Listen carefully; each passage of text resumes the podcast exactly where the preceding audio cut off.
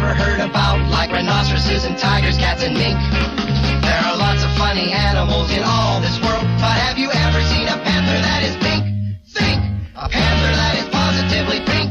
Tinc la boca seca. Ai, noi, de veritat, Mira, que és, ja- és una tragèdia, no sé això de fer la passa, secció. Boca seca, te'n passes l'aigua i t'ennuegues, estàs nerviós, vols anar al lavabo... I això que ja portem tota una temporada. Sí, gairebé estem a punt d'acabar, eh? no Ens allò que queden diguis, anem poc. 14 programes sense comptar el d'avui. Eh? No és allò que diguis, em portes dues només i estàs nerviós. No, jo n'he fet unes quantes. Vull dir, ja seria hora, no?, de- d'estar una mica relaxant. tranquil, no?, a l'hora de començar. Però bé, són coses que passen. No, no ho evitarem mai, això, Tatiana. No. Comencem? Comencem, comencem. Vinga.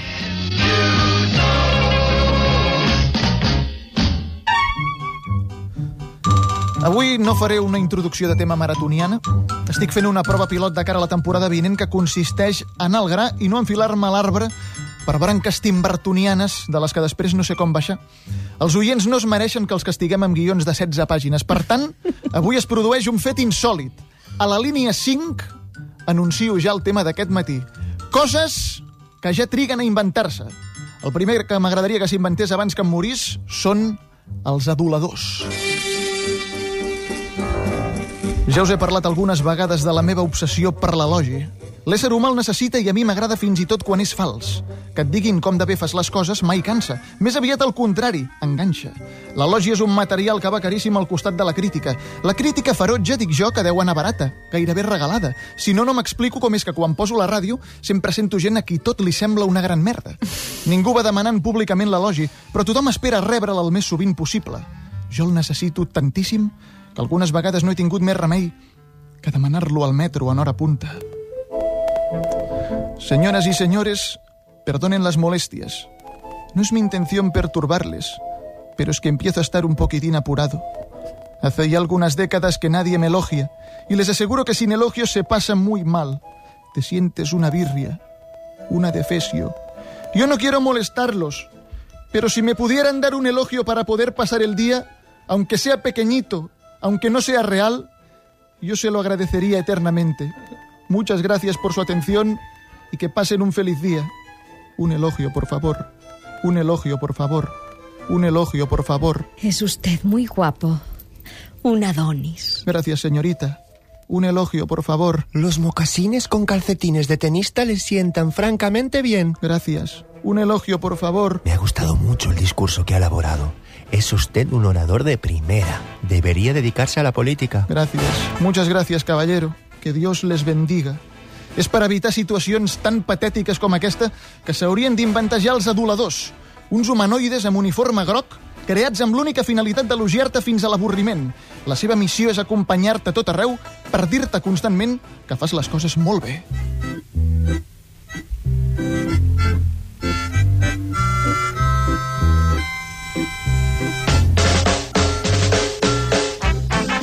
Que bé que camines, tio. T'he dit alguna vegada que m'agrada molt el moviment del teu culet quan camines? Doncs no, aquesta encara no me l'havies dit mai. Ja ho sé.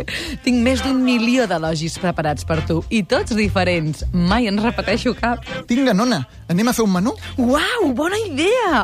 T'he dit alguna vegada que tens les millors idees del Mapamundi? Ets el tio més original que conec. És una idea molt normaleta, no n'hi ha per tant. Sí, sí que n'hi ha per tant, i tant que sí. No et menys tinguis. Em tens obnubilada. Bona tarda, senyors. Què hi posarem? Doncs jo de primer vull l'amanida d'alfalfa. Alfalfa. Mm. T'he dit alguna vegada que parles el millor català del planeta? Millor que el d'en Mario Serra? Infinitament millor. De segon voldré les mandonguilles. Mandonguilles. Ah, M'agrada molt com dius aquesta paraula. Mira, és que el moviment que et fan els llavis és super sensual. La podries tornar a repetir separant-la com, com per síl·labes, si us plau? Sí, però només una vegada que em fa vergonya. Val. Man, d'un, gui, llas. Com pot ser? Com pot ser que ho facis tan bé? És que ho brodes, eh? Bru- És que diria que voreges la perfecció. I de postres, atenció, de postres menjaré un iogurt natural. Ei, no m'has sentit? He dit que de postres vull un iogurt natural. No tens res a dir de com pronuncio aquesta paraula? No se t'acut cap elogi? Has dit que en tenies més d'un milió preparats per mi. Adulador, estàs bé? T'has quedat mut i inexpressiu. Es pot saber què diantre et passa? No m'espantis! Et necessito! Potser s'ha bloquejat. Li fotré uns quants cops al cap. Saldo esgotat. Ja pot fer un nou ingrés a Grup Aduling. A Grup Aduling tenim els millors elogis per vostè. Grup Aduling. Sempre pensant en el seu benestar. Us pensàveu que aquest servei era gratis? Ni de conya. L'elogi es paga. L'elogi és car. L'elogi és la droga més addictiva que existeix. I ningú la regala. Sota els ponts de les grans ciutats està ple de gent de totes les classes socials buscant la seva dosi. Va, ingressaré 100 eurets més al grup Aduling, però són els últims, ho prometo. Quan se'm gastin, aprendré a viure sense l'elogi constant, que no és tan difícil, carai. De debò ingressaràs 100 euros més al compte del grup Aduling? Em fas patir, eh? Crec que hi estàs una mica enganxadet. Però què dius? Jo controlo. Ho puc deixar quan vulgui. I una merda. Vaig acabar perdent tots els meus estalvis i vaig haver d'admetre que estava molt enganxat a l'elogi. Ara m'estic desintoxicant i tot i que evidentment tinc els meus moments de crisi on necessito un elogi de qui sigui per tirar endavant, vaig aprenent de mica en mica una cosa fonamental. Que no t'elogiïn constantment no significa que no facis bé les coses. Us recordo que estem fent el tema Coses que ja triguen a inventar-se. Tot seguit us convido a conèixer l'invent número 2. T'agradaria fer malifetes sense que et reconegués ningú? Doncs sí, T'agradaria fer dolenteries i barrabassades a tutiplén, sense el risc que comporta que t'identifiquin? per descomptat. Doncs ara tot això és possible gràcies a Fisonomizer. Un comprimit de Fisonomizer canvia el teu aspecte físic durant 8 hores perquè puguis fer el que et doni la gana sense que els teus amics, enemics i coneguts sàpiguen que ets tu.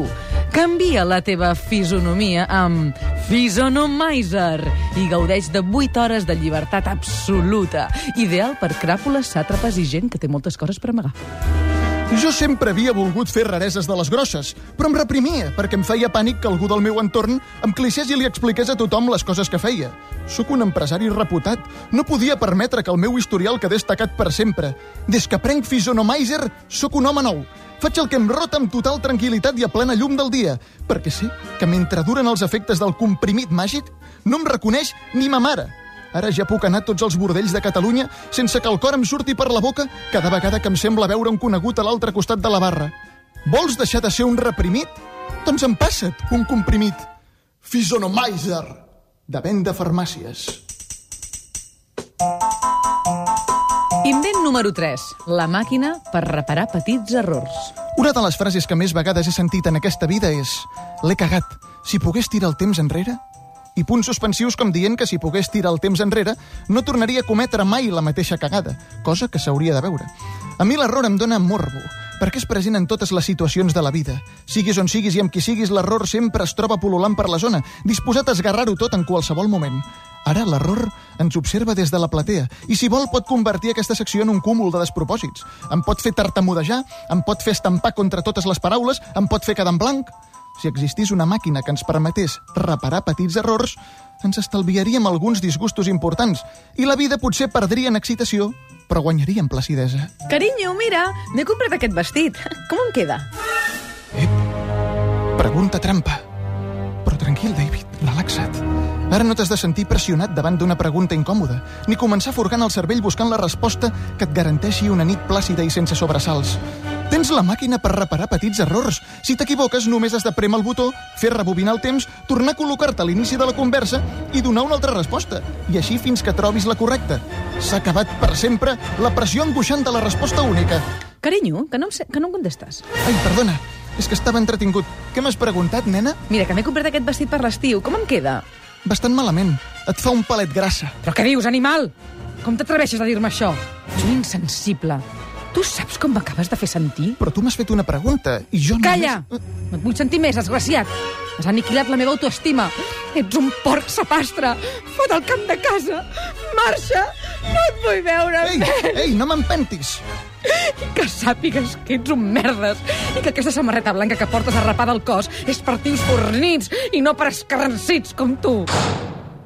Reconec que m'he regalat una mica i que el fet de tenir la màquina per reparar petits errors m'ha fet respondre una cosa que sense l'aparell mai m'hauria atrevit a dir. Ha estat un divertimento per passar l'estona i per conèixer la reacció de la meva senyora després d'una resposta fatal. L'experiment m'ha servit per comprovar que ella tampoc em veu massa atractiu a mi. Ha arribat el moment de reparar l'error. Carinyo, mira, m'he comprat aquest vestit. Com em queda? Bé, força bé, amor. Bé, força bé, amor. Només saps dir això? No se t'acut res una mica més enginyós? Oh, els homes són simples, foteu pena. Apa, adéu, que et bombin, xaval. Ei, on vas a aquestes hores? Vaja, l'he tornat a espifiar. Ho tornaré a intentar. Carinyo, mira, m'he comprat aquest vestit. Com em queda? Uau! Estàs irresistible. Aquest vestit et fa unes corbes que em posen malalt. Uh, aquest estiu acumularàs moltes mirades i jo em posaré molt gelós. Vine, necessito fer-te l'amor amb aquest vestit posat. Ei, però tu de què vas, tio? Què et passa ara? Eh, Per què, per què et burles de mi? No t'agrada gens, no, com em queda? Hosti, No t'atreveixes a dir-me que em fa gràcia i que som una foca, no? No suporto que et moguis de mi a la cara. Sóc horrible i peluda. A més sé que ho pensa. nena, però si a mi m'agrades No molt. em toquis, mentider. Ah! Marxo. Necessito aire. Si em quedo aquí dins, mira, em sembla, em sembla que m'agafarà un atac No, d'histèria. això sí que no. Marxa, marxa, marxa. L'he tornat a cagar. No pararé fins a encertar-la. Això ja és una qüestió d'orgull. Carinyo, mira, m'he comprat aquest vestit. Com em queda? Macanudo. Oh, aquesta paraula em fot pena, és a la merda.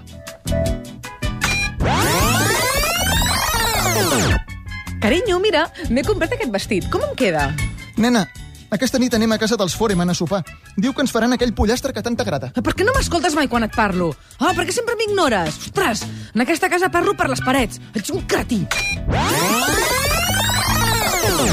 Carinyo, mira, m'he comprat aquest vestit. Com em queda? Nena, no em facis preguntes tan difícils. T'ho prego. Això és una pregunta difícil? No ets capaç ni de dir-li a la teva dona com li queda un vestit? Ah, els tios sou uns inútils i uns idiotes inservibles.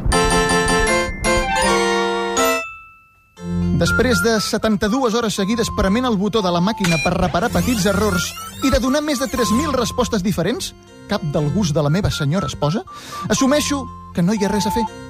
Hi ha jeroglífics sense solució, laberints sense sortida i preguntes sense cap resposta correcta.